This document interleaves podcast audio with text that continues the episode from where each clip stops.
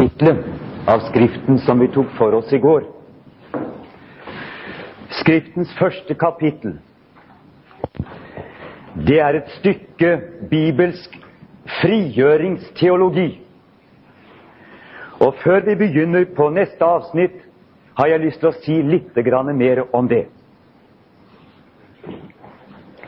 Frigjøringsteologien kommer tydelig frem bl.a. i dette dagskjemaet som Gud har lagt på sin skapelse.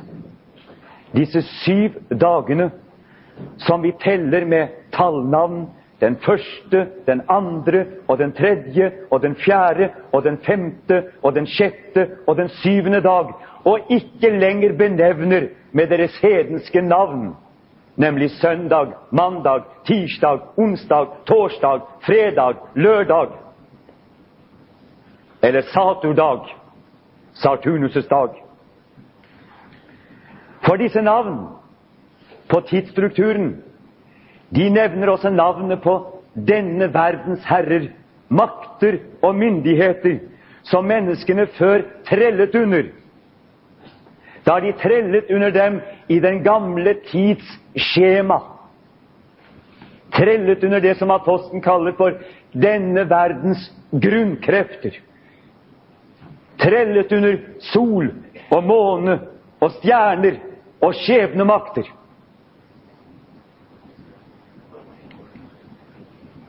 Når Gud i sin skapelse skrider gjennom disse syv dagene og tar dem i sin makt og fyller dem med skapelsen som sitt innhold, da er det frigjøring. Det er forkynnelse av evangelium. Og overalt hvor dette ordet når frem og blir trodd, der faller lyset inn. Og jeg har selv opplevd hvordan i en bestemt sjelesørgesituasjon hvor mørket var dypt, hvordan dette kapitlet, lest i all sin enfoldighet, har spredt lyset inn i det mørke rommet. Og plutselig gjort verden ny igjen. Ordnet verden på nytt. Alt falt på rette plass. Og mennesket falt igjen sin rette plass i helheten. Ikke som en trell under denne verdens makter og myndigheter, men som et fritt menneske som bare står under den levende Gud, himmelens og jordens skaper. Så lenge du beveger deg i den gamle uke, så har du solen til Gud, og du har månen til Gud, og du har Merkur til Gud, og du har Jupiter til Gud, og du har Mars til Gud, og du har Venus til Gud, og du har du har Saturn, dødsrikets fyrste til Gud. Du er i trelldom av frykt for døden all din livstid.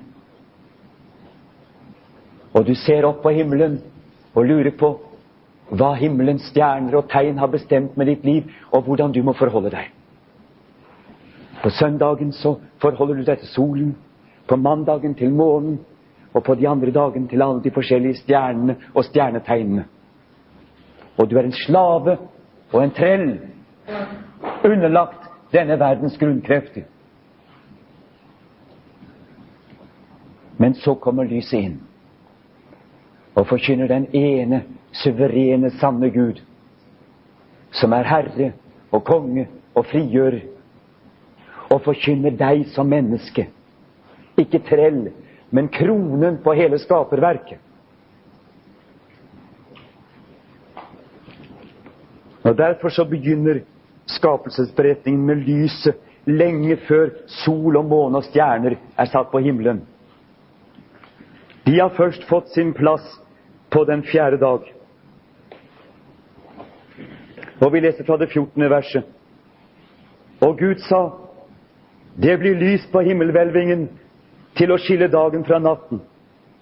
Og de skal være til tegn og til fastsatte tider og dager og år. Og de skal være til lys på himmelhvelvingen, til å lyse over jorden. Og det ble så. Og Gud gjorde de to store lys, det største til å råde om dagen, og det mindre til å råde om natten, og stjernene.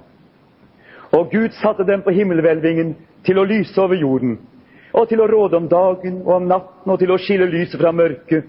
Og Gud så at det var godt, og det ble aften, og det ble morgen fjerde dag. Og legg merke til de benevnes ikke engang med sine gamle, hellige navn. Det kalles ikke sol, for sol er navnet på en mektig guddom som menneskeheten har tjent og trellet under gjennom mange tusen år. Men det kalles det store lys. Og det lille lyset istedenfor månen. Og stjernene er heller ikke nevnt med sine navn. Men de er fullstendig satt i menneskehetens tjeneste. I menneskets tjeneste. Som lamper på himmelen og som en klokke som går. Men ikke noe mer.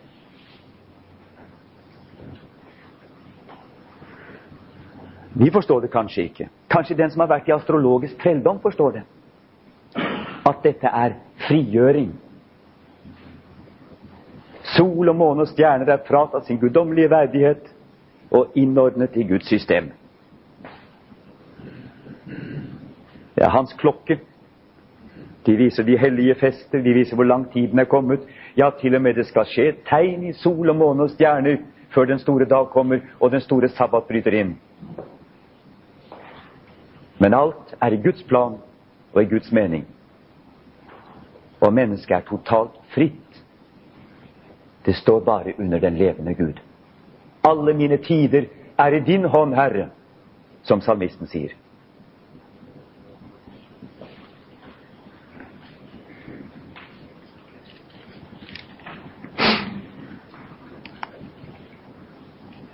Så får vi si oss ferdige. Vi er ikke ferdige, vi er bare så vidt begynt. Med det første kapitlet i Første Mosebok og litt av det andre, fordi at kapitteldelingen er sannsynligvis blitt litt gal i vår bibel. Og som dere husker, så forsøkte jeg i hvert fall å antyde at det som er fortalt i det første kapitlet, det er en eneste stor sammenfattende sammenfattende skjema som omfatter det hele fra skapelsen til fullendelsen. At vi egentlig fremdeles er midt i denne skapergjerning. At det ikke bare er fortelling om mennesket, hvordan det en gang var, men også hvordan det skal bli. Hvordan det skal stå frigjort fra alle, alt mørke, alle makter og myndigheter under den levende Gud i fullendelsen. Når himmelen og jorden er blitt ny. Fordi at skapelse og forløsning hører så uløselig sammen. Og jeg har fått bekreftet at dette er en rabbinsk tanke. Det var Ranterud som fortalte meg det. At også rabbinere har sett det slik at det første kapitlet er en helhetsfortelling fra begynnelse til slutt.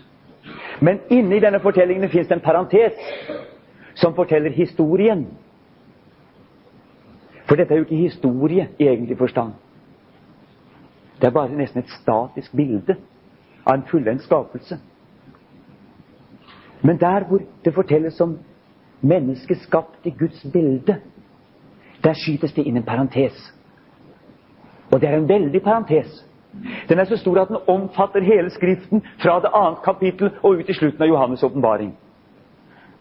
Det er historien om historien. Hva som skjedde på mikroplanet, kan vi si. Hva som skjedde imellom fredagen og lørdagen. Hvordan dette egentlig gikk til. Og det er en dramatisk historie. Og parentesen begynner da i det annet kapittel og i det fjerde eller det femte vers, alt ettersom. Etter at Gud hadde velsignet den syvende dag og helliget den og hvilt fra all sin gjerning, så leser vi. Dette er himmelens og jordens historie da de ble skapt den tid da Gud gjorde jord og himmel. Man legger merke til at det står dette som en overskrift, egentlig for hele Skriften. For det, det, slutter aldri etter dette her. Det kommer ikke til noen sabbat. Det kommer ikke til noen avslutning.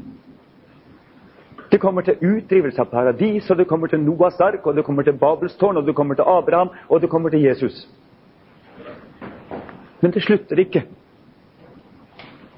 Dette er himmelens og jordens historie da de ble skapt, den tid da Gud Herren gjorde jord og himmel. Det var ennå ingen markens busk på jorden, og ingen markens urt var ennå vokset frem. For Gud Herren hadde ikke latt det regne på jorden, og det var intet menneske til å dyrke jorden. Da steg det opp en damp av jorden, eller kanskje det står da steg det opp en kilde av jorden og vannet hele jordens overflate. Og Gud dannet Herren, og Gud Herren dannet mennesket av jordens muld og blåste livets ånd i hans nese, og mennesket ble til en levende sjel. Og Gud Herren plantet en hage i Eden i Østen, og der satte han mennesket som han hadde dannet. Og Gud Herren lot trær av alle slag vokse opp av jorden, prektige å se til og gode å ete av, og midt i haven livsens tre og treet til kunnskap om godt og ondt. Og det gikk en elv ut fra Eden og vannet haven, og siden delte den seg i fire strømmer. Den første heter Pison, det er den som løper omkring hele landet Havila, der hvor det er gull. Og gull i dette landet er godt, det er bedelium og Onyxstenen. Den annen elv heter Gihon, det er den som løper omkring hele landet Kus. Den tredje elv heter Hidekel, og det er den som går østen for Assur. Og den fjerde elv er Frat. Og Gud Herren tok mennesket og satte ham i Edens hage til å dyrke og vokte den. Og Gud Herren bød mennesket, du må fritt ete av alle trær i haven, men treet til kunnskap om godt og ondt, det må du ikke ete av. For på den dag du eter av det, skal du visselig dø.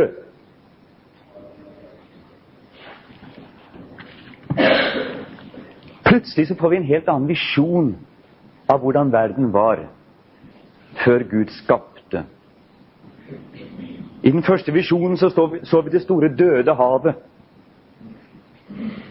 Og så er det å skape det er å skape et livsrom, en liten ark, i dette dø, store, døde, forferdelige havet. Et rom hvor mennesket kan leve.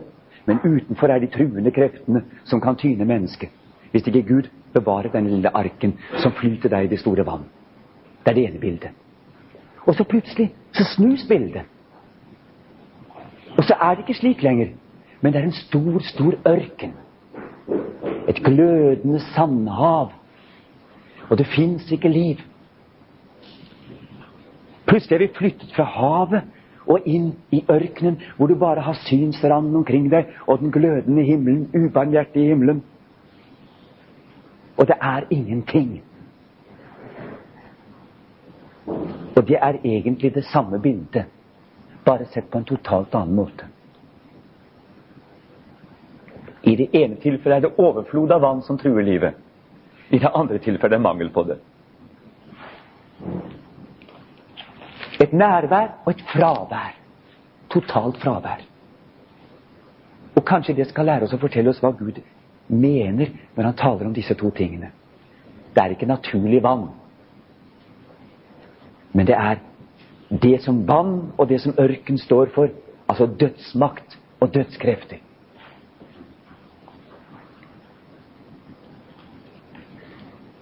Gud skaper tankemessige problemer for oss, men samtidig så rengjør han sitt bilde. Har du stått i ørkenen, totalt utlevert til tørken, til varmen, til sanden, til døden, så vet du at det er nøyaktig det samme bildet som å være midt i de store vann. Jeg er opptørket som et potteskår, sier Kristus på korset. Han som gruet for den forferdelige dåp.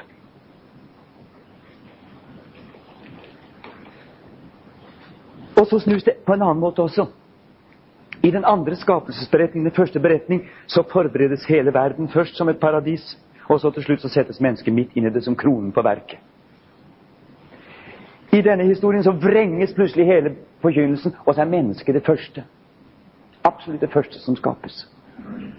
Skapningens førstegrøde. Men her er det slik at her er mennesket i utgangspunktet den viktige personen. Meningen med det hele, men innføres i begynnelsen istedenfor i slutten. Som selve meningen med alt sammen. Og så bygges det andre opp omkring mennesket. Men konsekvensen blir det samme. Mennesket er målet og meningen med det hele. I det ene tilfellet som kronen på verket. I det andre tilfellet som det dyrebare som Gud må beskytte og bevare, og bygge en oase opp omkring. Kastet på Gud, totalt utlevert til Gud, i Guds hender, og i det øde og døde. Og så er det Gud som bygger velsignelsen omkring mennesket, som en oase i det glødende sandhav. Og det er verden. Oasen i ørkenen. Det er verden.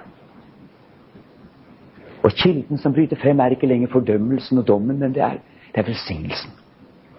Så gåtefull er Gud. Det som på den ene side er forbannelse og død, det er på den andre siden velsignelse. Og ut av Kristi side fløt det vann og blod. Og Israel hadde en fortid i ørkenen. De måtte drikke vann av klippen.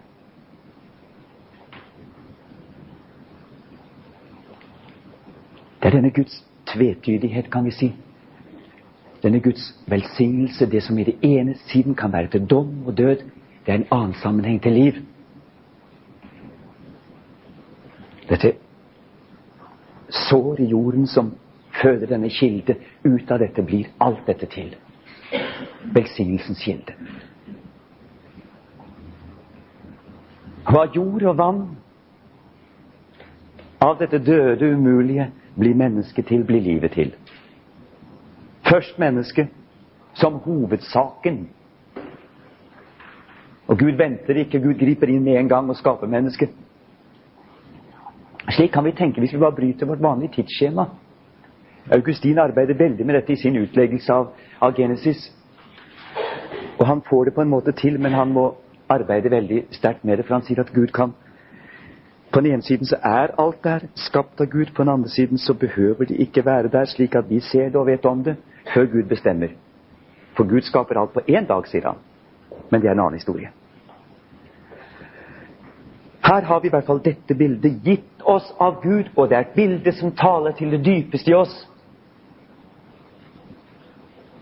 Og når Gud minner oss om at vi er skapt av vann og jord, ut av det totale livløse og øde, så vet vi at dette er sant. Han forsøker å fornekte det, men vi vet at det er sant. Og Gud løfter mennesket opp. Og det er ikke bare et ord. Han sier ikke bare 'bli menneske', men han han løfter det opp av sand eller muld eller leire og vann former det. Det er Guds eksplisitte gjerning. Vi hører ikke om noe lignende. Og han blåser selv livets ånde i dets nese. Det er munn-til-munn-metoden, om du vil. Altså, det livet vi har i oss, det virkelige livet vi har i oss, det er fra Gud selv. Det er Guds egen livsånde som puster liv inn i oss. Og siden så puster vi den ut og inn og ut og inn og ut og inn så lenge vi lever. Og dermed er mennesket også løftet ut av hele den øvrige skapning. Ikke bare vann og jord, men livets ånde fra Gud selv.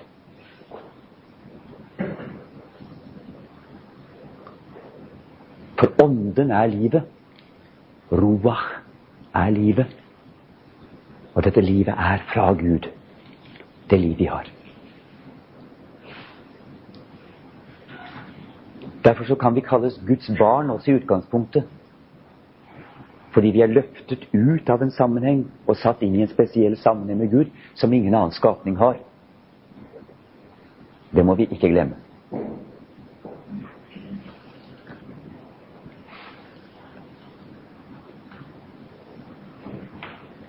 Og så er det at Gud da bygger oasen opp omkring mennesket. Og vi må tenke oss at det er den samme kilden som vanner jorden, og ut av den oasen så flyter da en bekk. For denne kilden den veller opp hele tiden. For det er Guds velsignelse. Hos deg er livets kilde. I ditt lys ser vi lys. Og Det sier hvordan kilde og lys hører sammen. Det er nok det samme. Det er en lyskilde. I skapelsen, i første kapittel, så er det lys. Her er det vann. Men det hører sammen. Så ser vi hvordan denne lyslivkilden, vannkilden, den går ut fra paradiset, og så vanner den hele jordens overflate. Og så kommer disse rare navnene, da. Pison Og der står det til og med noe om onyx og bedelium, en slags velluktende gummi, står det her. Den annen er gihon, hiddekel og fratt. Og De lærde har diskutert hvilke elver dette kan være. Fratt er i hvert fall helt tydelig. Det, er, eh, det må være Eufrat. Og Gihon, som løper land, rundt landet Kus, det må da være Nilen. Men i all verdens rike, hvordan kan Eufrat og Nilen ha samme utspring? Og så kan det være det kan være Tigris, og det kan være Indus det er tale om. Det er sannsynligheter for det at det er Indus det er tale om. Altså de fire store kulturelvene i verden. De som først ga grobunn for de første høykulturene. Der hvor menneskene for alvor slo seg ned og virkelig begynte å dyrke jorden og, og skape kultur. Så sier denne fortellingen at kilden til alle disse elvene, dvs. Si til alle disse kulturene, til all denne velstanden, er i paradiset. Der er kilden. Så kan vi tenke ja, da gjelder det å finne den kilden. Og så reiser vi til Nilens kilder. Og så reiser vi til Tigris og Eufrates kilder og til Indus' kilder. Og så blir vi totalt forvirret. For hvordan kan dette henge i hop? Ja, hvor er da kilden? Jo, kilden er hos Gud. Det er meningen at vi skal bli totalt forvirret. Fordi vi tenker fysisk hele tiden. Vi tenker på en helt annen måte, en, helt annen følgemåte. Men Gud tenker på en annen måte. Dette er fortalt, og det var kanskje absurd allerede i den tiden. De måtte i hvert fall da tenke verden på en helt annen måte. Men det det sier, er at all denne velsignelse som menneskene nyter av, som de lever av, den som bærer dem, velsigner dem, selv om ikke de vet om det, den er fra paradisets kilde. Den stammer fra det evige ordet, lysordet, vannordet, vannåren, som brøt frem fordi Gud skapte. Og så må vi tenke. Alle de livskilder vi har, all den velsignelse vi lever av, det kommer fra denne kilden. Fra paradiset. Fra sentrum. Fra Guds velsignelsessentrum. Der hvor vi en gang ble skapt. Der hvor vi ble til slik det var meningen at vi skulle være. Derfra er det. Det har noe med oppholdelsens teologi å gjøre. Uavlatelig flyter enda denne kilde ned gjennom Eufrat og Tigris og Indus og Glomma og Nilen. Og jeg vet ikke hvor. Og vi ser hvordan det går hvis ikke vi har vann. Det er et enkelt tegn fra Gud. Når det tørker opp, da nåde oss. Ja, Gud nåde oss.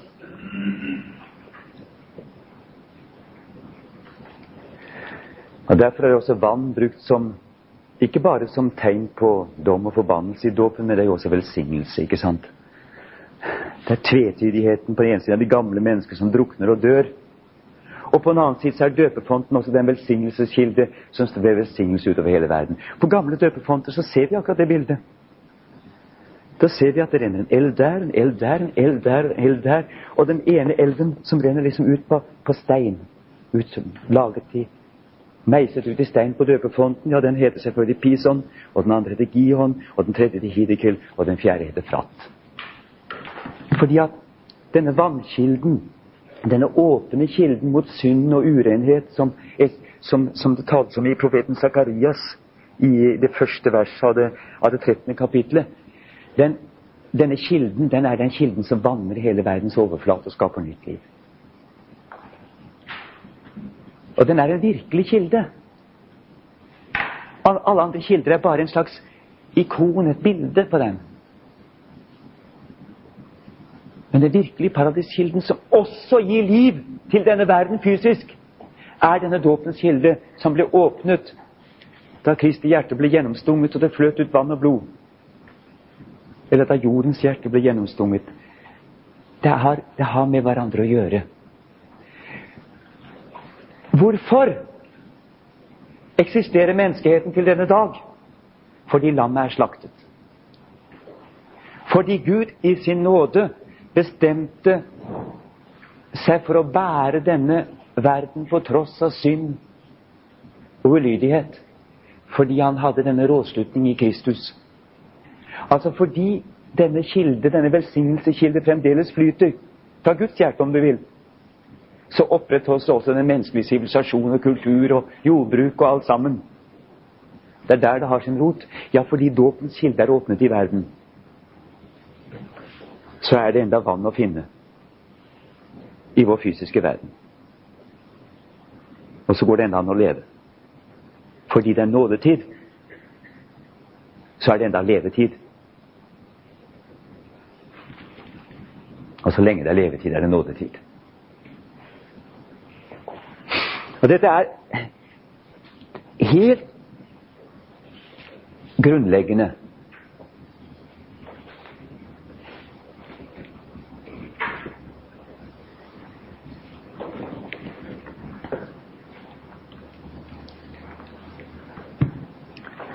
Og midt i denne haven, denne sentrum for verden, der hvor alle velsignelsen strømmer ut, og som mennesket en gang skal forlate og gå ut i verden fra, og allikevel ha noe velsignelse av. Der er det altså at disse to trærne står midt i haven, eller kanskje det er ett tre. Det er nok to trær. Det er ikke godt å vite. Det er noe sånn skimrende tvetydig med disse trærne, og vi kommer aldri til båtens side. Men det er i hvert fall slik at her midt i haven står treet til kunnskap om godt og ondt.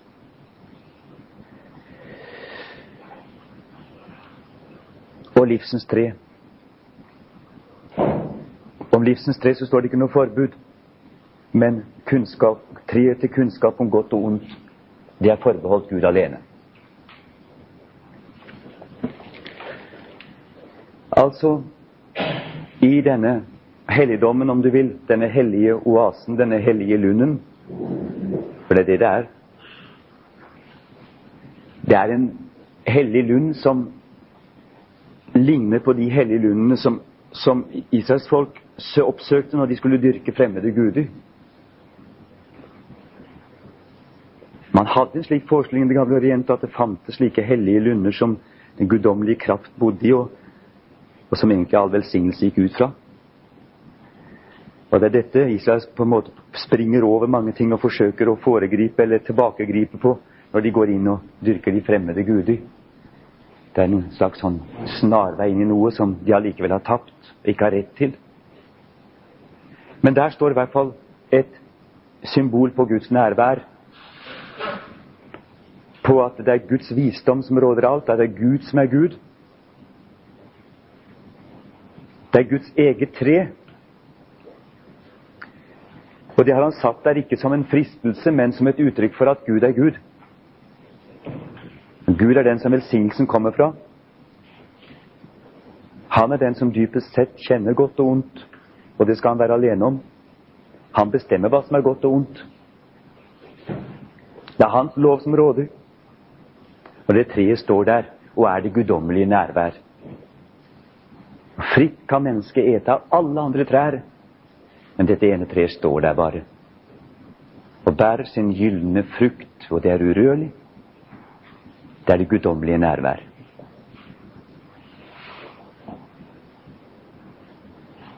Og det er mennesket oppmerksom på. Men det er positivt oppmerksom på det treet. Det står kanskje aller nærmest kilden. Kan tenke det, for det står midt i haven. Det går rett opp av kilden. Det er ett med kilden, på en måte. Det er dette guddommelige som mennesket ikke må forgripe seg på, ikke må grumse til, ikke forurense ikke vanhellige. Og det skal stå der.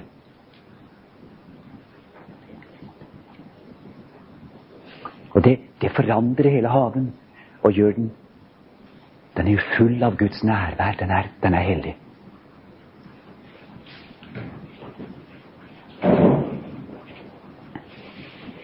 Men så er mennesket der. Og legg merke til mennesket er ikke skapt som to, men som én.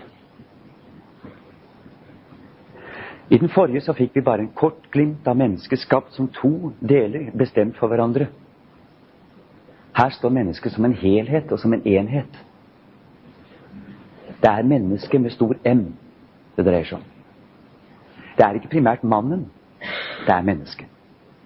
Det er Adam som er samleord for mennesket, alt som heter menneske av kjøtt og blod, som er tatt ut av jorden, som heter Adama. Og underforstått så, uten at vi skal snakke noe særlig dypt om det, så er det tydelig at det er nær sammenheng mellom jorden og mennesket. Adama er faktisk talt en hunnkjønnsform av mennesket. Adam blir da hannkjønnsform, eller hva vi skal si. Adam blir da hannkjønnsform, eller hva vi skal si. Adama er hunnkjønnsformen. Og da står liksom jorden på en måte som menneskets mor, da. Og han er født ut av jorden. Han har jorden til mor, men han har Gud til far. Og det minner om jomfrufødselen. Jeg har av og til brukt denne historien som lesetekst på Maria budskapsdag.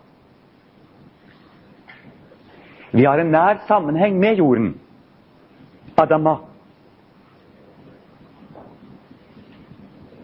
Vi er jordens barn. Vi er født ut av jorden. Vi hører jorden til.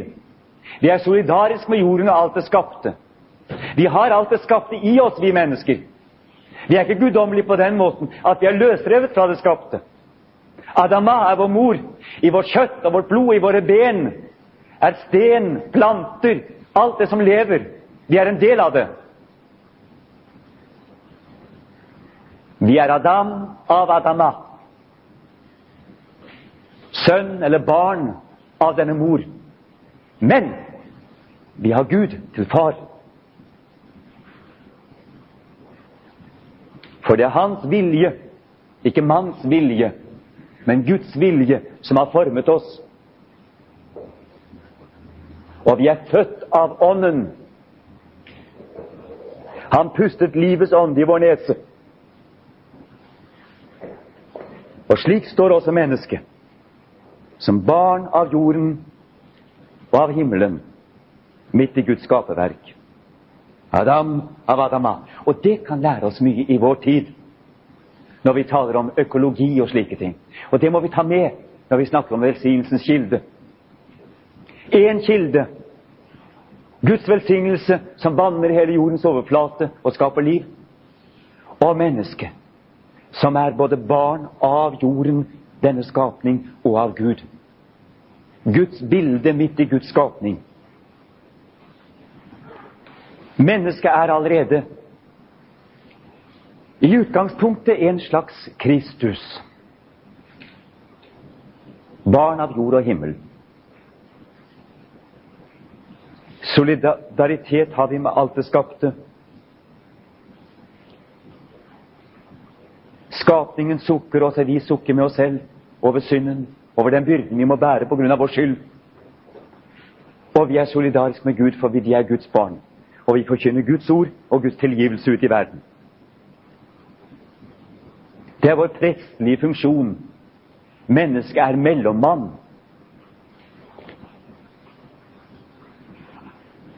Og det er vår kongelige og vår profetiske funksjon.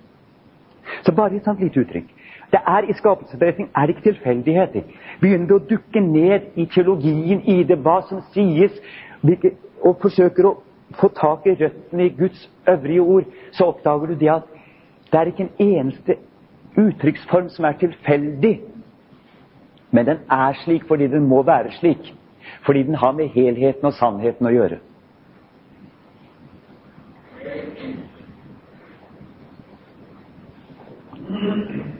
Så kommer vi da til denne, denne Adam, som ikke er ikke androgyn. Eller kanskje vi skulle tenke oss det på den måten. Men han er bare menneske. For det går an å tenke menneske også. Ikke som kjønn, men som menneske skapt i Guds bilde der du står. Som en helhet og enhet. Og når Gud da skal skape mann og kvinne, ja, så får vi denne fortellingen. Den er kanskje det vanskeligste for oss å fordøye.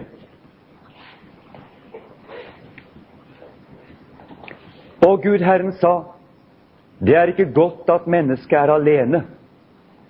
Jeg vil gjøre ham, eller jeg vil gjøre det, en medhjelp som er dets like. Og Gud Herren hadde dannet av jorden alle dyr på marken og alle fugler under himmelen, Og han ledet dem til mennesket for å se hva han ville kalle dem. På svensk er jo menneske hunnkjønn. Så da ville jeg se for å se hva hun ville kalle dem. Ja, det kunne vært litt frigjørende akkurat i vår, vår krampetid. Og som mennesket kalte hver levende skapning, så skulle det hete. Så ga mennesket navn til alt fe og fuglene i himmelen og alle ville dyr. Men for et menneske fant han ingen medhjelp som var hans like. Men mennesket ga seg tingene navn, og det er viktig. Altså, mennesket fornemmer tingene, blir kjent med tingene og setter sin merkelapp på dem. Gi dem navn ut fra seg selv. Altså bestemmer virkeligheten og virkelighetens betydning ut fra seg selv. Først så kommer det bare som noe fremmed og rart fra Gud. ikke sant? Hva er det for noe? Manna, hva er det for noe? Det er noe fremmed, det er noe skremmende. Det er ikke mitt. Gud har nevnt det og kalt det frem. Men hva, hvilke forhold har jeg til det? Og så begynner du å sette navn på det. Og da trekker du det inn i din verden når du setter navn på det. Det er en funksjon, en slags avbildefunksjon. Gud har kalt tingene med sitt hemmelige navn. Han kjenner koden når han skaper. Og så står mennesket som en liten gud midt i Guds univers og gjør den motsatte virkningen. på en måte Nevner tingene med navn, han også, og gjør dette til sin verden. Det er klart at Når vi nevner tingene med navn, så skaper vi, vi ordner, vi strukturerer vår verden. Og så blir det en menneskelig verden. Og det er en slags avglans at Gud nevner tingene med navn og lar dem bli til. Når de er til, så nevner vi dem med navn, og så blir de på en måte til for oss og kommer inn i vår verden. Og vi får makt over dem. Vi underlegger oss alle ting ved å gi dem navn. Vi ordner dem. Vi setter dem inn i et hierarki, kan vi si. Og på den måten så blir mennesket situasjonens og skapningens herre. Den som gir tingene navn, er herre over dem. Og kan byde. Du sten, flytt deg. Du storm, du skal stilne. Du berg, kast deg i havet. Vi ser hos primitive folk, som vi kaller primitive, hvor mye navn betyr. Du kan nevne tingene, så har du dem på en måte i din makt. Og Vi kan tro at vi er mye friere, men det er ikke slik. Vi har også i hvert fall enkelte navn som betyr uendelig mye for oss. Om ikke annet så kan vi gi Gud et navn.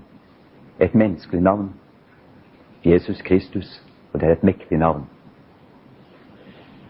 Og vi vet også at hvis du kan nevne trollet ved navn, så har du makt over det. Da sprekker det. Og det er også en viktig ting. Kan du gi også de åndelige fenomener navn? Kan du nevne demonene, så har du makt over dem. Men mennesket finner ikke noe hvor det møter seg selv. Det finner ikke noe som kan være hans medhjelp, som kan utfylle ham, som kan, som kan, som kan være liksom et du. Det finner bare treperson hele veien. Men det finner ikke du et, noe, noe, gjensidig. Noe som, noe som mennesket kan speile seg selv i og kjenne seg selv i. Og si 'du, menneske'. Uansett hva de gir navn, så finner de ikke det. Og dette mennesket har jo heller ikke lov til å underkaste seg noen av disse skapningene. De kan ikke si 'Å, du elefant, du er så stor, og jeg må bøye meg for deg'. Da kunne det på en måte finne en mening. Men her gjelder det å finne en like. En likemann eller likekvinne. Og det er umulig i hele denne skapte verden. Og det vet Gud. Og Gud vet at det må en skapelse til hvis det skal skje. Og det er ikke godt for mennesker å være alene. Det er ikke godt for Gud engang å være alene. Det er vel derfor Gud skaper.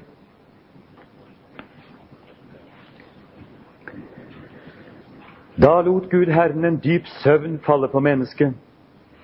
Og mens han sov, tok han etter hans ribben og fylte igjen med kjøtt. Og Gud Herren bygget av det ribben han hadde tatt av mennesket, en kvinne, og ledet henne til mennesket. Da sa og da må vi si mannen. Dette er endelig ben av mine ben og kjøtt av mitt kjøtt. Hun skal kalles Og så står det manninne, for hva skal vi si? Men det går jo ikke an, for det er ikke noe som heter manninne. Ja, det er masse manninner i vår tid, da. Det er det. Det, det er det. Hva? Ja, nettopp. Og de har det. For kjerring er hunnkjønna kar. Ja. Det er det det er. Så derfor har nynorsk oversetteren sier 'Kjerring skal ho heita, for av kar er ho teken', sier vi. Ja. Ja. Og her er vi da. Og vi har lov til å le, for det er, det er noe sånn det er noe sånn liflig og fantastisk med hele historien. Og vi ler av et godt hjerte. Men på hebraisk så sier han da Og det er beviset, sa de gamle, på at hebraisk er grunnspråk og urspråket. For det er bare på hebraisk sånn kan uttrykkes. Han sier at hun skal hete Isha, for av Ish er hun tatt. Hun skal hete kvinne, altså hunnkjønn av mann som heter Ish. ikke sant? På samme måten som Adama er hunnkjønn av Adam, så er det altså da Isha det er hunnkjønn av Ish, mann. Og så plutselig så er mennesket blitt en enhet og en helhet, for mennesket har møtt seg selv og funnet seg selv igjen i en skapning som ikke er noe annet enn seg selv. Og Det er derfor jeg tror at Gud nå i denne skapelseshistorien vrenger det slik at mennesket i utgangspunktet er en enhet som Gud skiller på en måte, og så gir tilbake til seg igjen. Fordi at det er klart at i kvinnen og i mannen så finner mennesket seg selv. Her er det talt da ut fra mannen som nevner dette og fører ordet, slik han alltid har gjort i menigheten og kirken og kommer til å gjøre til den ytterste dag. Det er jeg helt sikker på. Han sier det, men det er klart at kvinnen også finner seg selv igjen i mannen. Hun sier også 'Dette er kjøttet av mitt kjøtt', eller hun sier 'Jeg er kjøttet hans kjøtt og ben av hans ben'. Hun vender tilbake til en sammenheng som hun er sprunget ut av. Og slik er det også med mannen. Han vender tilbake, han vender seg mot noe som dypest sett er han selv. Denne gjenkjennelse. Vi to var der sammen, og vi har funnet hverandre igjen. Når jeg våkner opp av min søvn, så ser jeg kvinnen, og jeg forstår dette dype. Dette er jeg.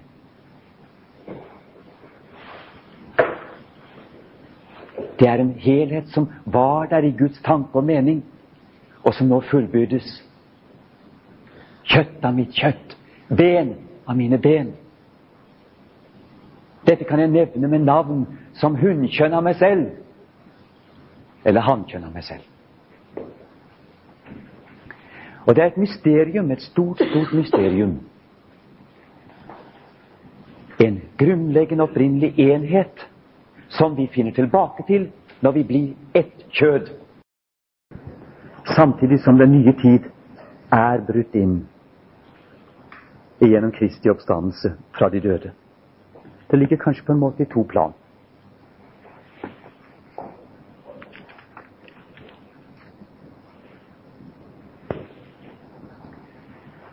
Så var det igjen mennesket,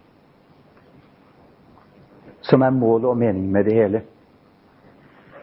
Og mennesket her det er ikke skapt først som en mann og så som en kvinne tatt ut av mannen i denne historien, som vi nå har lest. Det kommer siden.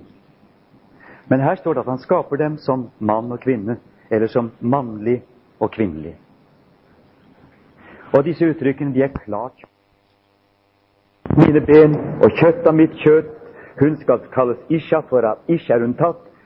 Derfor skal mannen forlate sin far og sin mor og bli hos sin hustru, og de To skal være ett kjød. Og de var nakne, både Adam og hans hustru, men bludes ikke. De skammet seg ikke. De var helt utlevert, helt åpne for hverandre, men de hadde ingenting å skamme seg over. Enheten var total. Gjensidig forståelse var total. Og fordi det er slik, sier Herren selv, så skal mannen forlate far og mor og holde seg til sin hustru. Og Det er et ord som nærmest betyr å lime seg sammen med sin hustru. Ordet er veldig sterkt. Det er ikke bare å holde, men det er faktisk talt å bli klistra i hop. Og de to skal være ett kjød. De skal være en enhet. Fordi denne enheten har de hatt i min skjulte, hemmelige skapelse fra begynnelsen av. Og dette er meningen deres. Det er bare her i verden det så ut som de var i utgangspunktet to. I utgangspunktet, i min mening, er de én.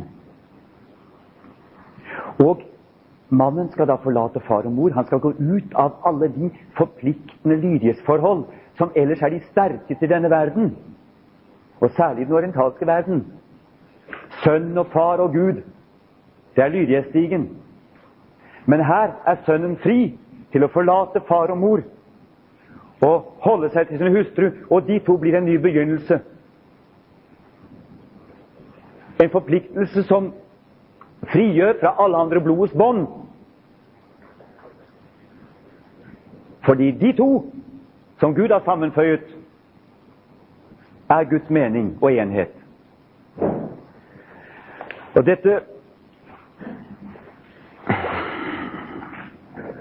Og Det står at mannen skal forlate far og mor. Det står ikke at kvinnen skal forlate far og mor. Og Det er en Det betyr at det er ikke mannen og hans slekt som skal dominere her, men det er de to i et guddommelig forpliktende forhold som er utgangspunktet og meningen. Og Dette er igjen frigjøringsteologi, forstått rett. Og når Gud, når Kristus går imot skilsmisse, f.eks., så sier han slik var det ikke fra begynnelsen. NRK. I begynnelsen, da Gud skapte himmel og jord og kvinne og mann, da var det ikke slik at man bare kunne gå til Moses og få skilsmissebrev.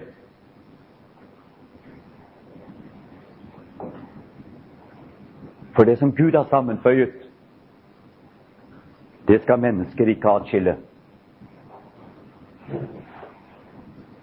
Og kunne man i sitt ekteskap holde fast på denne svimlende tanken at dette er en enhet som allerede var til stede for Gud, som vi to er sprunget ut av, og som vi har funnet tilbake til her foran Guds alter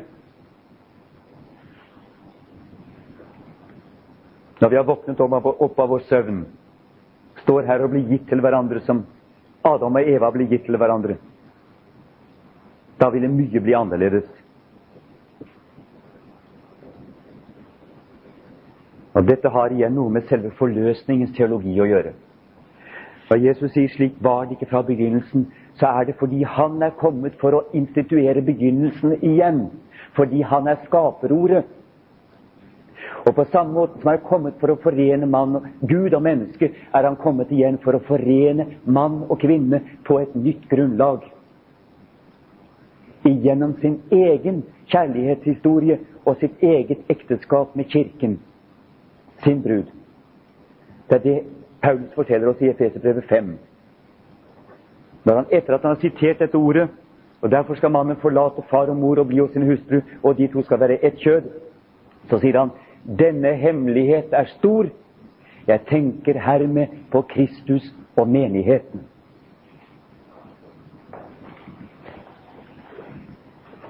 Og dette er nødvendig fordi det vi nå kommer til syndefallet, det starter med forholdet mellom mann og kvinne. Det er ikke et syndefall i en større sammenheng, men det er akkurat i denne kjernesammenhengen, som i utgangspunktet var en enhet som er Guds mening, det er i denne kjernesammenhengen syndefallet finner sted. Og samtidig som det skjer en skilsmisse mellom Gud og mennesker, så skjer det en skilsmisse mellom mann og kvinne. Og det skjer simultant.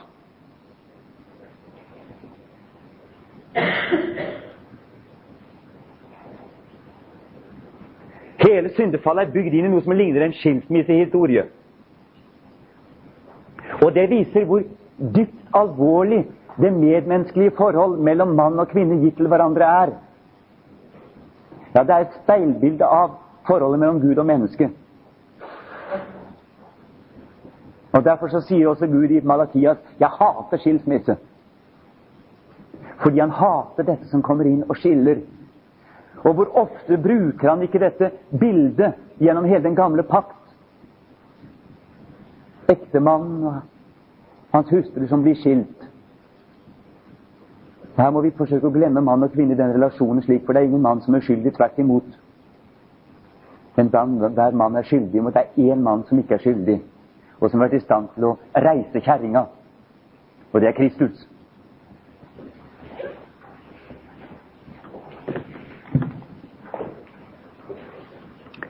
Men slangen var listigere enn alle dyr på marken som Gud Herren hadde gjort, og den sa til kvinnen:" Har Gud virkelig sagt, I skal ikke ete noe tre i haven? Og kvinnen sa til slangen, Vi kan ete av frukten på trærne i haven. Men om frukten på det tre som er midt i haven, har Gud sagt, I skal ikke ete av den og ikke røre ved den, for da skal I dø. Da sa slangen til kvinnen, I skal visselig ikke dø, for Gud vet at på den dag I eter av det, skal eders øyne åpnes, og I skal bli like som Gud og kjenne godt og ondt. Og kvinnen så, på, så at treet var godt å ete av, og at det var en lyst for øynene, og at det var et prektig tre, siden hun kunne få forstand av det. Og hun tok av frukten og åt, og hun gav sin mann med seg, og han åt. Da ble begges øyne åpnet, og de ble var at de var nakne. Og de heftet fikenblad sammen og bandt dem om livet.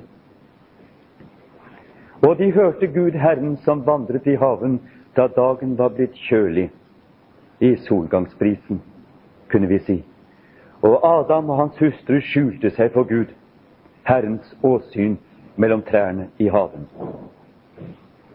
Da kalte Gud Herren på Adam og sa til ham, Hvor er du? Og han svarte, Jeg hørte deg i haven.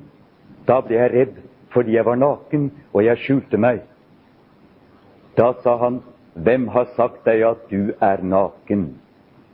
Har du ett av det tre som jeg forbød deg å ete av?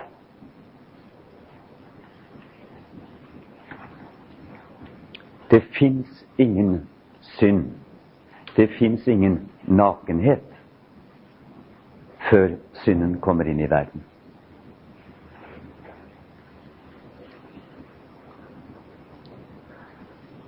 Der ligger den dypeste grunn til at mennesket må tildekke seg.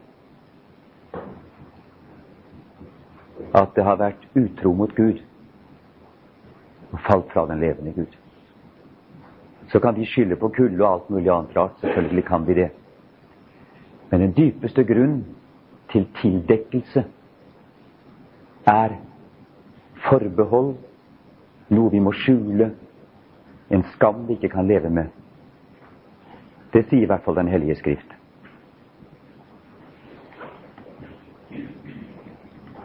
Mennesket er plutselig avslørt uten noen gang å ha vært tilslørt.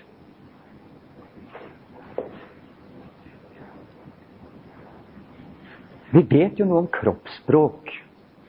I vår tid er vi blitt veldig flinke til å narre oss selv og narre våre medmennesker. Slik at vi studerer kroppsspråk for å kunne lyve med vår kropp.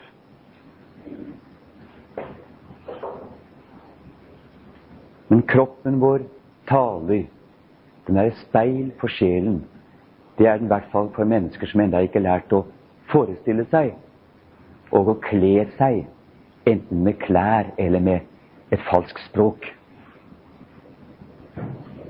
I vår verden er det slik at både ord og klær tildekker det er stort sett det vi også bruker ord til. Tildekke og ikke åpenbare og avsløre. Syndefallet, hva er det? Vi kommer aldri inn på treet. Det er der bare. Frukten er der. Vi kommer aldri inn på frukten. Vi kan ikke forklare hva det var med treet som gjorde det så forferdelig å plukke av det.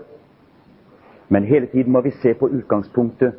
Den som plukker, og hva dette mennesket strekker seg etter når hun strekker seg etter frukten på treet. For kanskje treet bare var et ganske alminnelig tre. Et druetre eller et epletre eller et pæretre. Og det bare sto der. Og det eneste spesielle med det treet var rett og slett at det sto 'Dette er Guds tre'. Kunne ha vært det.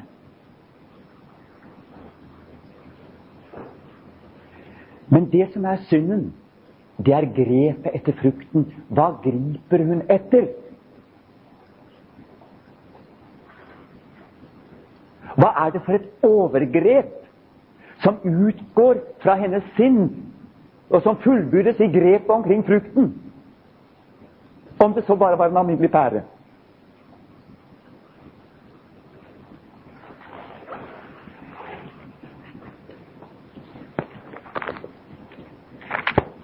Vi leser i Filippensebrevet. I det annet kapittel.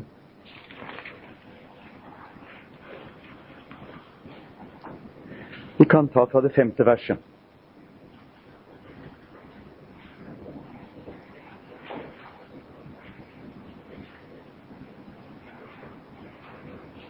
La dette sinn være i eder, som òg var i Kristus Jesus.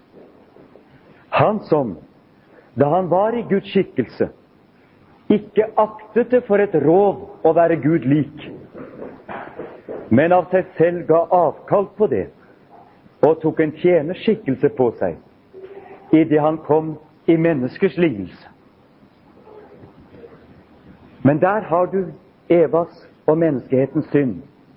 De akter det for et råd å være Gud lik. De strekker seg etter det som noe som de vil røve til seg. Det er attraktivt. Frukten begynner å skinne. Treet er lystelig å se til og deilig å ete av.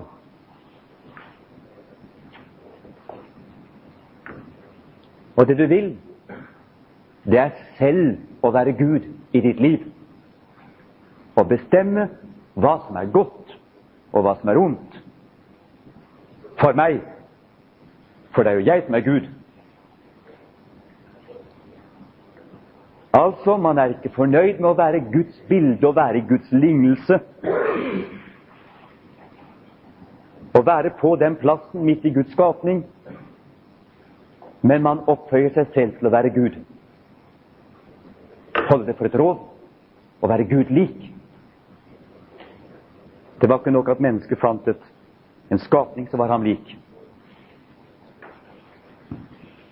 Og det er grepet som er synden, og som er fallet. Det er fullbyrdet i grep om denne kanskje uskyldige pæren. Som smaker som all annen frukt. Og som ikke gir noen annen kunnskap enn at mennesket plutselig står avslørt for seg selv. avdekket i all sin gru som en motgud. Med onde tanker mot Gud. Og vet ikke noe annet titel enn rett og slett å, å ta fikenblader og hefte omkring seg, fordi at skammen er der. Og det ser ut som at når det er de seksuelle områder som tildekkes, så må det være noe med at i den seksuelle selv, selvhevdelse er noe av kjernen i hvert fall, Det ligger veldig veldig dypt i mennesket. Det er kanskje der, der vi er mest naknest, det er der vi er mest blottet, der vi er mest sårbare, og det er der vi også hevder oss aller sterkest. I vår selvherlighet. I vår søken etter guddommelighet og lyst. Freud har sikkert rett på den måten. Vårt ego har sitt sete aller sterkest der. Jeg kan tenke det. Men det er bare en hjelpetanke. Mennesket får behov i samme øyeblikk for å tildekke seg for den andre. Forbeholdet kommer inn. Det er blitt to guder i verden.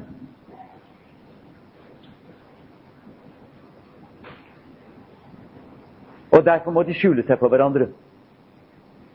Når jeg har konfirmanter, så pleier jeg å illustrere på den måten. Tenk om vi ikke bare hadde kroppsspråk, for det kan vi lyve ganske godt med. Men tenk om det var slik som i Donald Duck. At alle mennesker gikk omkring med seg boble over hodet, og i den boblen kunne de se hva de tenkte. For sånn er det i Donald Duck. Tenk om det var sånn alle hadde en sånn hvit boble, og i den bobla kunne de se nøyaktig hva de tenkte. Vet du hva som hadde skjedd da? Da hadde alle mennesker i denne verden gått med en svær, stor pose på hodet.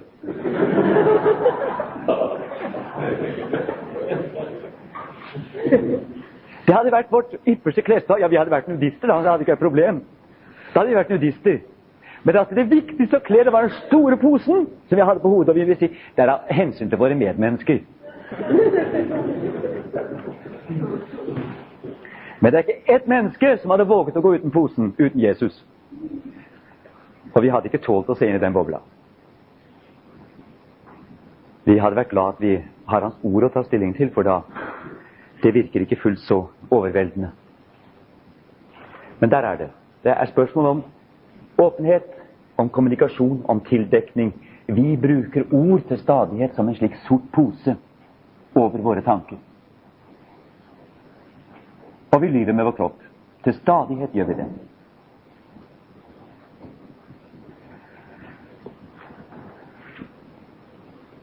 Altså, syndefallet fører til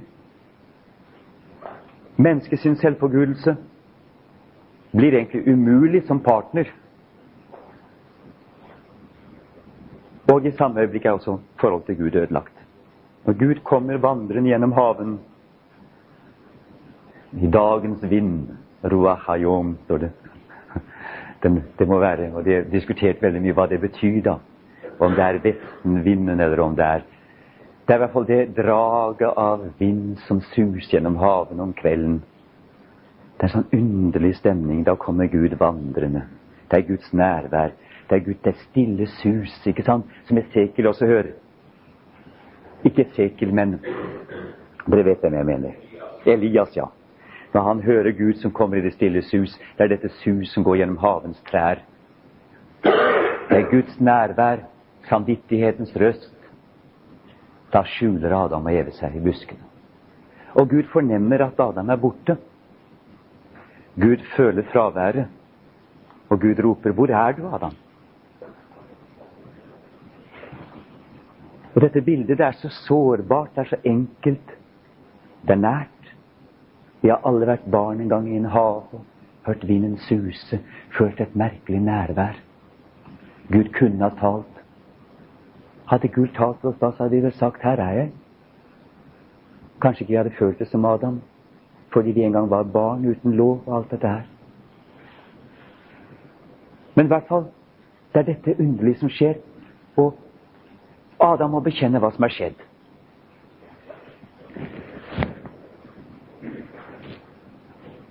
Men så bekjenner han ikke.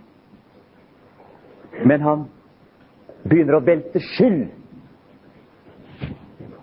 Han har jo på en måte rett til det, og han har ikke rett til det.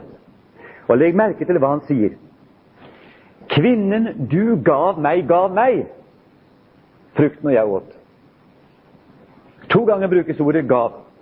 Kvinnen du gav meg, gav meg, og jeg gav, og jeg åt. Ikke sant? Ja. ja. Du ga meg kvinnen, kvinnen ga meg frukten. Hva skulle jeg gjøre da? Jeg åt, jeg. Altså, Gud har skylden i første omgang. Fordi du skapte denne dobbelthet, fordi du ga meg et slikt medmenneske, en slik medhjelp, som, som, som, du sa Du kan se hva slags hjelp du har gitt meg. Så står jeg her nå og skal liksom være skyldig for deg. Gud har skylden. Selvfølgelig i neste instans. Kvinnen har skylden. Hun er roten til det onde. Faktisk sier hun da ja, at hun er roten til alt ondt. For jeg bare tok imot dette her og åt.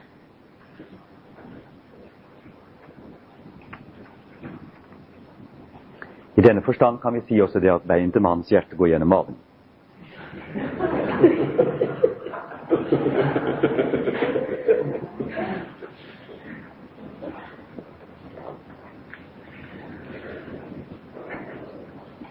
Jeg tror, på grunnlag av det vi siden får vite ut av Guds ord, at dette er Adams store syndefall.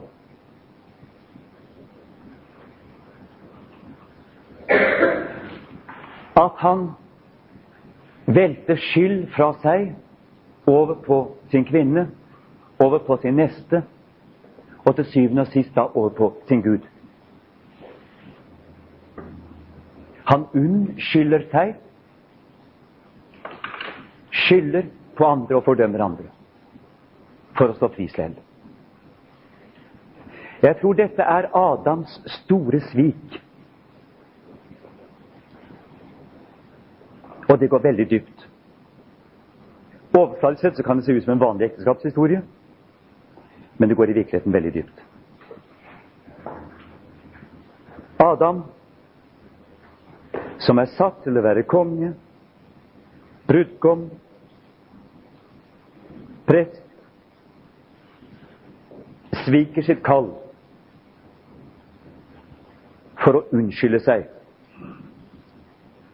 og dolker på en måte sin kone i ryggen.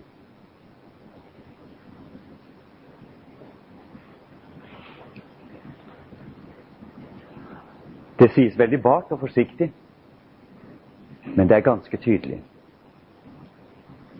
Adam som skulle ha tatt skyld, båret skyld, tatt ansvar, skylder på sin hustru og sin Gud. Og det spørs om ikke egentlig syndefallet kulminerer der. Det er i hvert fall der det blir gjenopprettet igjen. Kanskje vi får det rette bildet av Adam og hans svik når vi møter Kristus, den annen Adam, og hans troskap. Hadde han stått der, så hadde han for det første ikke tatt imot frukten av Evas hånd. Det hadde han ikke gjort. Det står ikke noe om at Adam ble lurt.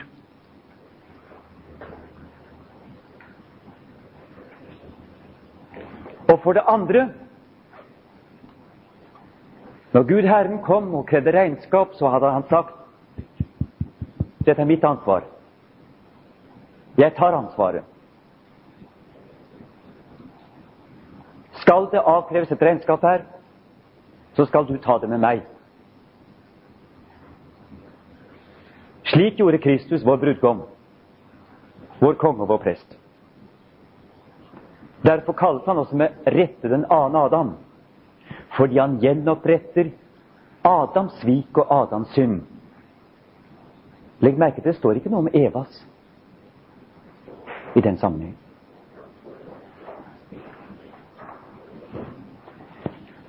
Jeg tror at hvis vi skal bore oss inn i teksten, så finner vi at syndefallet er sammensatt.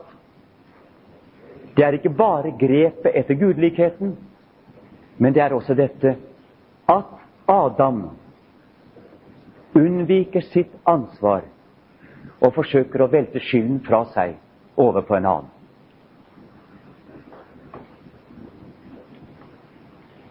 Slik blir Adam svikeren.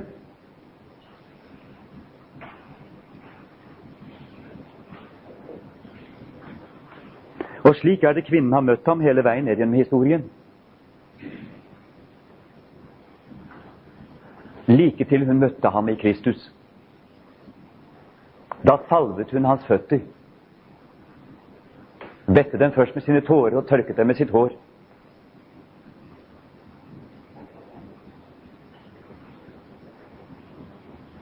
Endelig var han kommet. Han som hun hadde ventet på, kanskje forsøkt å tro på, i alle sine menn. Frigjøreren. Den eneste som kunne reise kjerringa etter Adams fall. Slik er det i nytestamentlig kontekst. Det er mannen som er kommet tilbake.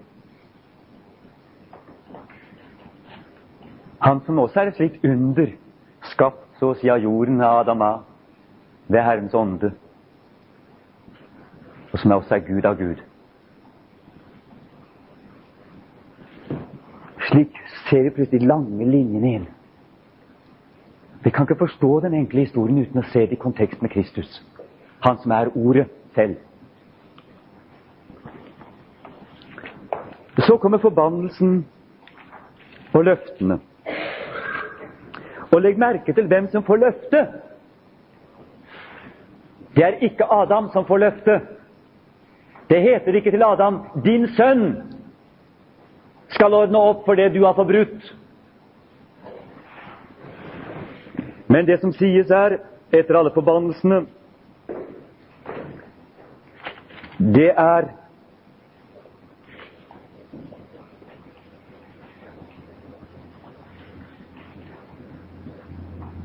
Og det sies til slangen, til hovedmotstanderen. Jeg vil sette fiendskap mellom deg og kvinnen, og mellom din ett og hennes ett. Den skal knuse ditt hode, men du skal knuse dens hæl. Ett sera, kvinnens sæd, kvinnens avkom. Kirkefedrene så det betydningsfulle i at ikke det var Adams ett, men det var kvinnens ett. Og de talte om kvinnesønnen. Og vi ser det jo på Jesu Kristi ettertavle, f.eks. Der ser vi hvordan folk driver på å avle stadig nye sønner her fra Adam av. Og de avler og de avler og de avler og de avler helt frem til Josef. Men Josef avlet ikke Jesus. Han står der plutselig som et brudd på linjen. Han har bare navn av å være far. Men den som kalles hans sønn, er et under. Kvinnesønnen alene. I Maria. I Maria oppfylles dette løftet om kvinnens sæd. Men det er ingen mann Ingen mann har potensialet overhodet til å kunne avle denne sønn. For det som er født av kjødet, er kjød og kan ikke se Guds rike. Og Derfor har vi denne ettertavlen i Matteus evangelium som går hele veien igjennom og ender ut i Josef, og så plutselig blir meningsløs. For det er jo ikke Jesu ettertavle likevel. Det er bare etter loven, ja vel. Bare sosialt, ja vel. Men ikke virkelig. For skal det bli virkelig, så må Gud gripe inn i Marias liv. Og det må ikke være en Adams sønn, men det kan godt være en Evas sønn. Og det blir det. Ingen mann kunne bli far til Jesus, men en kvinne kunne bli hans mor. Og det forteller oss noe. Men hva det forteller oss, det vil ikke jeg forsøke å sette navn på nå. Men det forteller oss noe om en lidende, sveket menneskehet som allikevel kan bære frem velsignelsen fra Gud. Når Gud griper inn og gjør et under ved sin ånd. Men det kan ikke skje ved kraft og makt. Det kan ikke skje ved noen mannlig selvhevdelse. Det kan ikke skje ved noen svikers befruktning.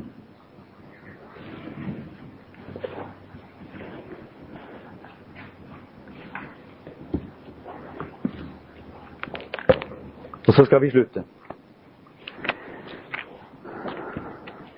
Nå som vi føler at vi kanskje kunne holdt på, men Legg merke til at jorden er forbannet for din skyld, sier Gud til Adam i vers 17. Vi får hoppe over det andre nå, om kvinnens lidelse. Egentlig skulle det vært et hovedtema kvinnens lidelse. Men vi får kanskje allikevel hvert fall lys over det som Paulus sier i, i 1. Timotus brev, om at kvinnen skal bli frelst gjennom sine barnefødsler. Det relaterer til dette løftet.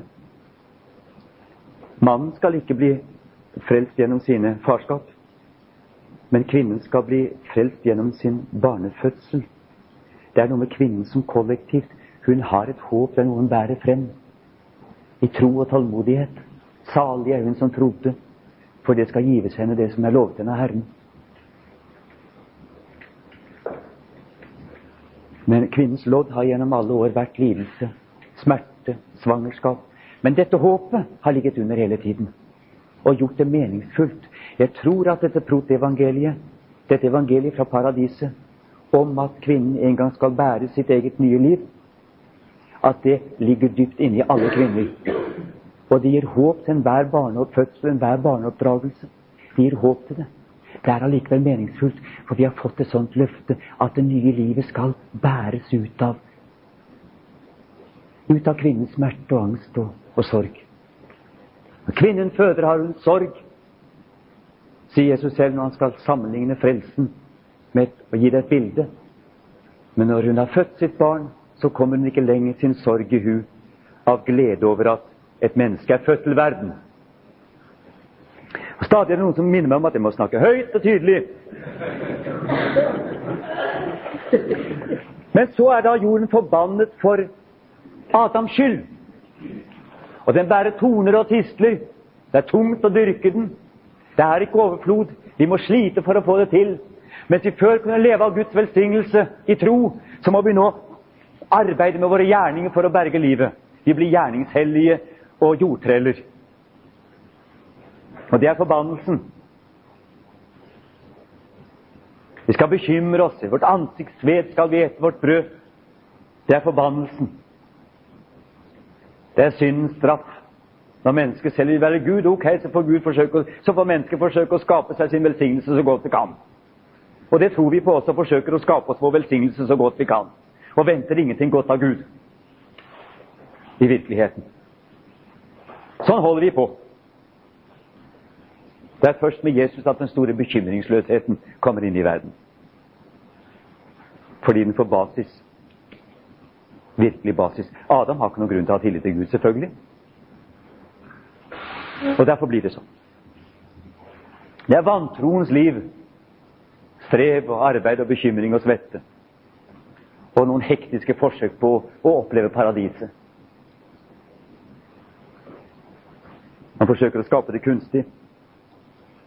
Forsøker å gjenopplive den første kjærlighet. Så går de fisk, alt sammen. Hvis ikke det skjer i troen.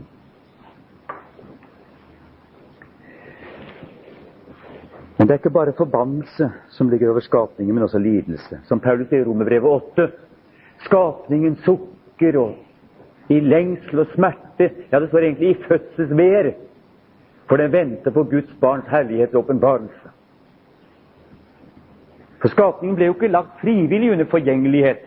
Han bruker ikke egentlig forgjengelighet, men det som de gamle sier forkrenkelighet. Altså det som ødelegger. Men på grunn av han som la det under dem. Og det er Adams fall og Guds forbannelse. Og Luther sier det slik Dette sukk og denne klage som vi hører i hele skapningen, det er ikke den naturlige forgjengelighet at fisker og dyr må dø og sånn. Det er bare naturlig. Men det skapningen klager under, det er at den er nødt til å bære denne verdens synd enda en stund. Solen har det vondt fordi den er nødt til å skinne på alle disse syndige mennesker som står Gud imot. Det er solen en usigelig smerte å måtte lyse og velsigne så mye synd. Og slik er det også med jorden og korn og alle ting. Det er en fryktelig klage at alle ting må tjene mennesket fremdeles som treller, enda mennesket bruker disse gaver til synd. Det var jo ikke slik før, da mennesket var konge og prest og profet i skapningen. Da tjente hele skapningen mennesket frivillig og var glad for å tjene mennesket. Men nå er det en utålelig byrde for skapningen å måtte tjene og bære en slik forferdelig herre og hersker. Å være trell under hans onde vilje, og ikke under Guds gode vilje gjennom mennesket. Det er skapningens smerte og pine, og det ser vi nå i forurensningens tid. Kan vi begynne å se det? Hvordan skapningen lider, også helt fysisk. Og den har litt lenge åndelig under vår synd. Og nå begynner den også å lide fysisk under vår synd. Men Paulus hørte det allerede lenge før det var olje og ozonødeleggende midler i svang. Han hørte det. Han visste at det var en ulidelig pine både for korn og vin og blomster og sol og stjerne og måne og måtte være med på å opprettholde mennesket i dets synd med ulydighet mot Gud. Og Derfor så sier Luther oss når dommedag kommer, da reiser alle skapninger seg i opprør mot denne Herre, som de har vært underlagt, for de måtte tjene ham, for Gud ville oppholde ham i sin nåde. Og så roper de, Herre, drep dem! Knus dem! Nå er det slutt! Det er skapningens opprør mot mennesket. Når den rettferdige vrede bryter løs. Og hele skapningen bruker hele sitt potensial for å knuse dette udyret.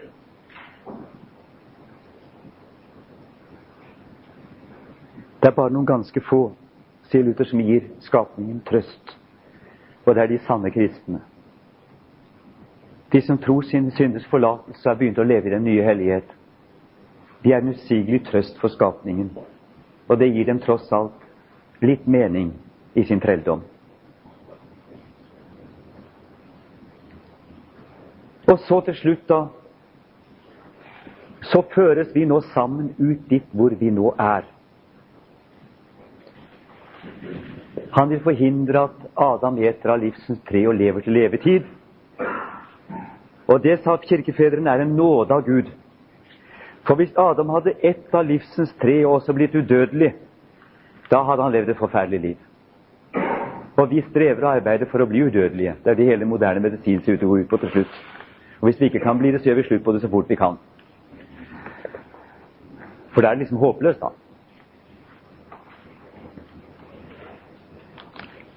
Men vi skal være glad for, sier fedrene, at de ikke fikk sjanse til å leve, ete av livsens tre også, og ble en udødelig slekt av syndere. For da ville vår synd aldri dø med oss. Og det er en stor nåde at vi en gang får bli lagt i graven og bli ferdig med det. Når Gud vil.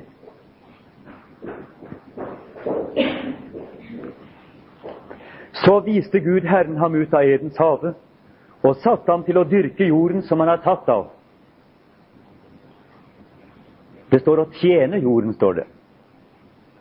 Tjene Adama. Ja, være en trell for Adama. Det står egentlig det. Den som han var tatt av.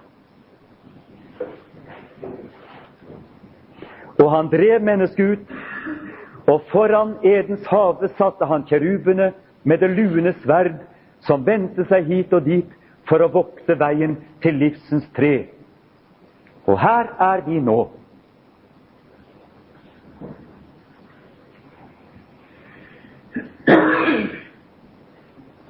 Helt til slutt Jeg har opplevd en gang hvordan denne historien kan virke som lys og frigjøring. Og det var en, egentlig en sånn en mudret ekteskapskonflikt. Vi satt sammen tre ektepar rundt et bord. Og vi hadde snakket mye åndelig, men så plutselig så brister det for damene, og særlig en tar ordet og sier at nå, det, nå, må vi begynne å snakke om noe annet enn dette her. her. Nå må vi virkelig ta opp våre ekteskap, for det er sånn og sånn og sånn og sånn. Og sånn og sånn. Og det må vi nå være villige til å se i øynene og snakke direkte om. Så sier min venn, som er en stor bibelteolog og et fryktløst menneske Ja, nesten et fryktelig menneske på den måten. Han ser opp, og så sier han til henne det er umulig å snakke om disse tingene på den måten.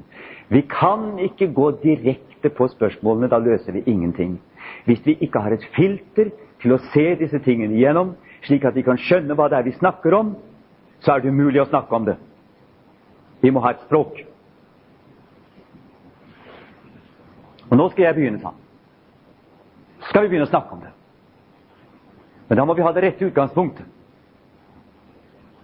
Og han sa det med såpass myndighet at liksom at det, det, men det bygde seg opp en sånn skandalefølelse. Så setter han seg ned, og så begynner han å lese.